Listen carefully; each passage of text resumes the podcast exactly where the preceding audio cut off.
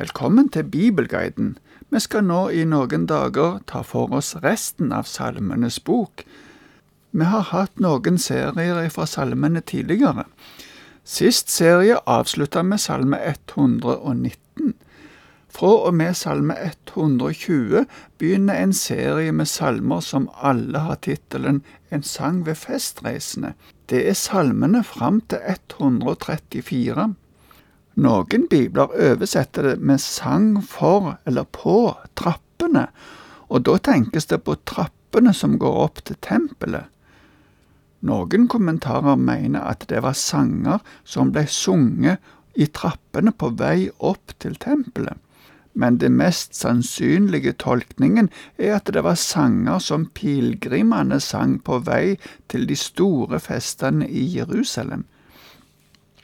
Ofte gikk folket i store klynger på veien til festene i Jerusalem. Pilegrimsreisa var òg en del av festen, og de priste gjerne Herren underveis. Det kunne være en slitsom reise, og sangene kunne være med på å holde motet oppe på reisen. Fire av disse salmene er skrevet av David og én av Salomo. De andre regner med stammer ifra tida etter at folket kom tilbake ifra Babel. Salmene dreier seg ikke om enkelte personer sitt forhold og tilstand, men tolker gjerne hele Israels håp og klage. Det er salmer for fellesskapet, og skildrer med inderlighet og dybde de forholdet folket lever under. Selv om Salme 120 er en sang ved festreisende, så er det òg en klagesalme. Den kan deles i to deler.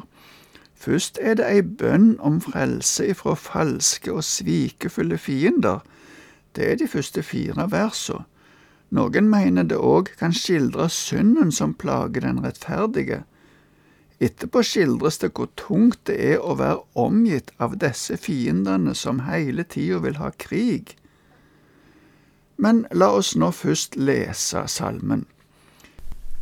En sang ved festreisende. Jeg ropte til Herren i min nød, og han svarte meg. Herre, berg meg fra lepper som lyver, fra tunger fulle av svik. Hva skal han gi deg, du svikefulle tunge? Hva mer skal han la deg få? Stridsmannens kvasse piler og gyvelbuskens brennende kull. Ved meg, jeg er innflytter i Mesjek, jeg bor blant Kedars telt. Altfor lenge har jeg bodd blant folk som hater fred. Jeg er fred, men om jeg taler, går de til krig. Først er det ei bønn, som jeg sa, om å bli befridd. De leppene som lyver og er fulle av svik, tilhører i denne sammenhengen de som angriper de troende fordi de har tillit til Herren. Kanskje vi kan tenke på samaritanene og andre folk som var motstandere under gjenoppbyggingen på Nehemja si tid. På samme måte som i Salme 12 viser denne salmen forvirring over hvorfor de ugudeliges ord har såpass stor makt. I den andre delen av salmen, ifra vers 5, viser intensiteten i salmen til nød og kvaler. Meshek var sønn av Jafet, og han bodde lenger nord, i nærheten av Svartehavet.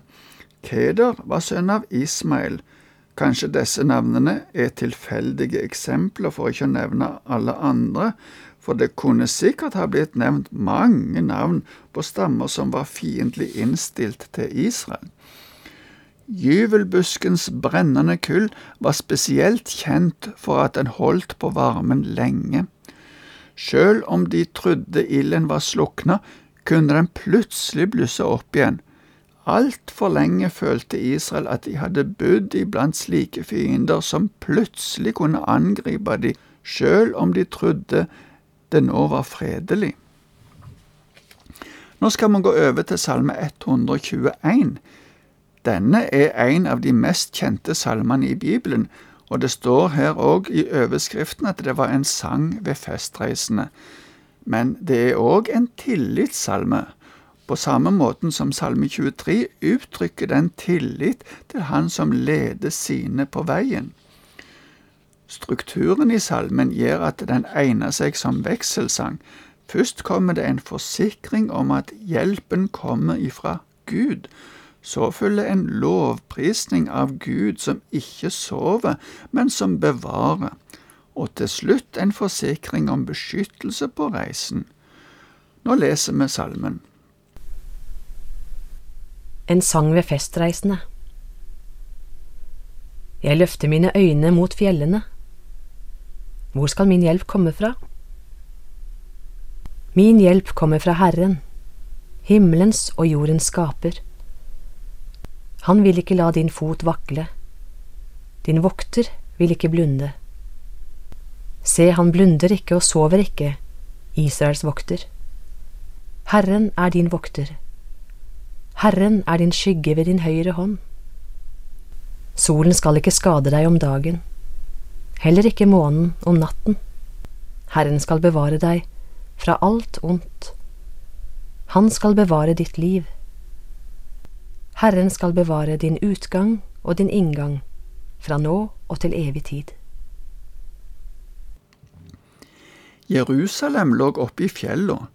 Det kan være utgangspunktet for salmen, at pilegrimene var på vei til Jerusalem, og de speida etter å få et glimt av byen. Spørsmålet om hvor hjelpa skulle komme ifra, er nok ikke et utsagn om tvil, men mer en anledning som skal forsterke svaret om at hjelpen kommer fra Herren. Men vi kan kanskje ta med oss at i noen kulturer er det ei tru på at gudene bor i mektige fjellformasjoner, og at folk derfor henvender seg til fjellene etter hjelp ifra gudene. Israels Gud og vår Gud er høyere og over alle disse fjellene. Derfor er vi mye tryggere i vår tillit til at Herren er vår hjelper. Derfor kommer svaret i vers to med full overbevisning om at vår hjelp kommer ifra Herren. Det blir òg understreka for å vise hvor stor Herren er, at Han er skaperen både av jord og himmel. Veien pilegrimene gikk, kunne noen plasser være steinete, og andre plasser kunne den være ganske glatt, men det understrekes at Herren vil bevare sine på veien. Foten skal ikke vakle. Han som er vokter, sovner ikke. På den lange reisen Israel hadde til festene, måtte de nok sove litt om nettene, men Herren er med de òg da. Mens Israel var på vei ifra Egypt til Kanan, fulgte Herren med de som ei sky og ei ildstøtte. Han leder de trygt.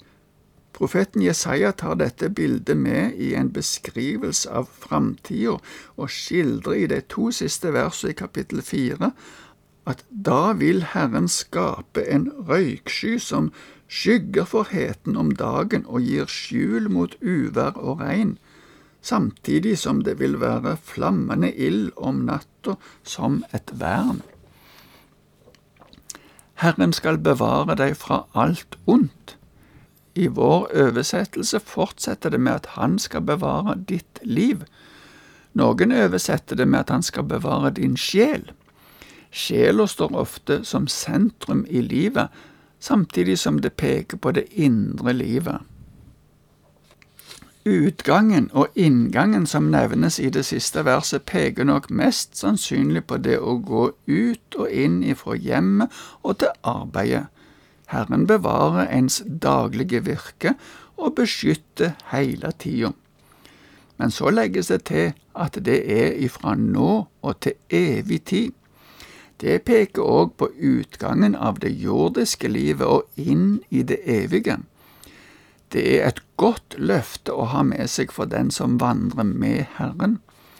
Han vil lede hele veien, bevare og beskytte oss helt til vi er framme hos Han. Vi skal ta med oss Salme 122 òg i dag. Den sentrale setningen i denne salmen er be om fred for Jerusalem. Denne salmen kan vi i tillegg til å kalle det en sang ved festreisene, som salmen sjøl sier i starten, også kalle en Sion-salme, for den understreker Sion, eller Jerusalems status og stilling. Den beskriver gleden som en pilegrim kjenner ved å komme fram til Jerusalem og tilbe Gud. Denne salmen er en av fire sanger i gruppen av sanger ved festreisene, der det står at David er forfatter. Vi leser salmen.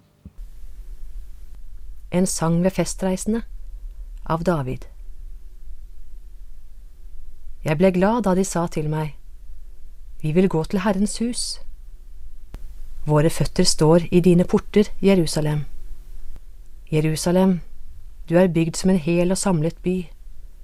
Dit drar stammene opp, Herrens stammer. Det er en lov for Israel å prise Herrens navn. Ja, der står troner for dommere, troner for Davids hus. Be om fred for Jerusalem. Må de som elsker deg, leve trygt. Må fred råde innenfor dine voller, trygghet i dine borger. For mine brødres og venners skyld vil jeg si fred over deg. For tempelets skyld, Herren vår Guds hus, vil jeg ønske deg det gode. Salmen uttrykker gleden av å kunne komme til Jerusalem, kanskje i kontrast til de som av en eller annen grunn ikke hadde anledning til å reise, og ikke minst seinere, da de var i eksil i Babel, kunne dra til Jerusalem. Pilegrimene var begeistra over bygningene og tempelet. Kanskje vi kan ta det som et bilde på den begeistringen som vi vil kjenne når vi er framme i det himmelske Jerusalem. Da vil tilbedelsen få en helt annen karakter. Henvisningen til stammene drar opp dit peker på de store høytidene i Israel, men vi kan kanskje tolke det i retning av at ifra alle jordens folk skal de komme til det nye Jerusalem for å tilbe. Det er naturlig, det er en lov, sier salmen, å prise Herrens navn. Det er det vel også for oss. Fred for Jerusalem. Det var viktig for at gudstjenesten kunne gå sin gang i fred, men det kan vi òg gjerne be om i vår tid, for dagens Israel trenger òg fred, både politisk fred og fred med Gud. Med dette vil jeg slutte for i dag. Herren være med deg.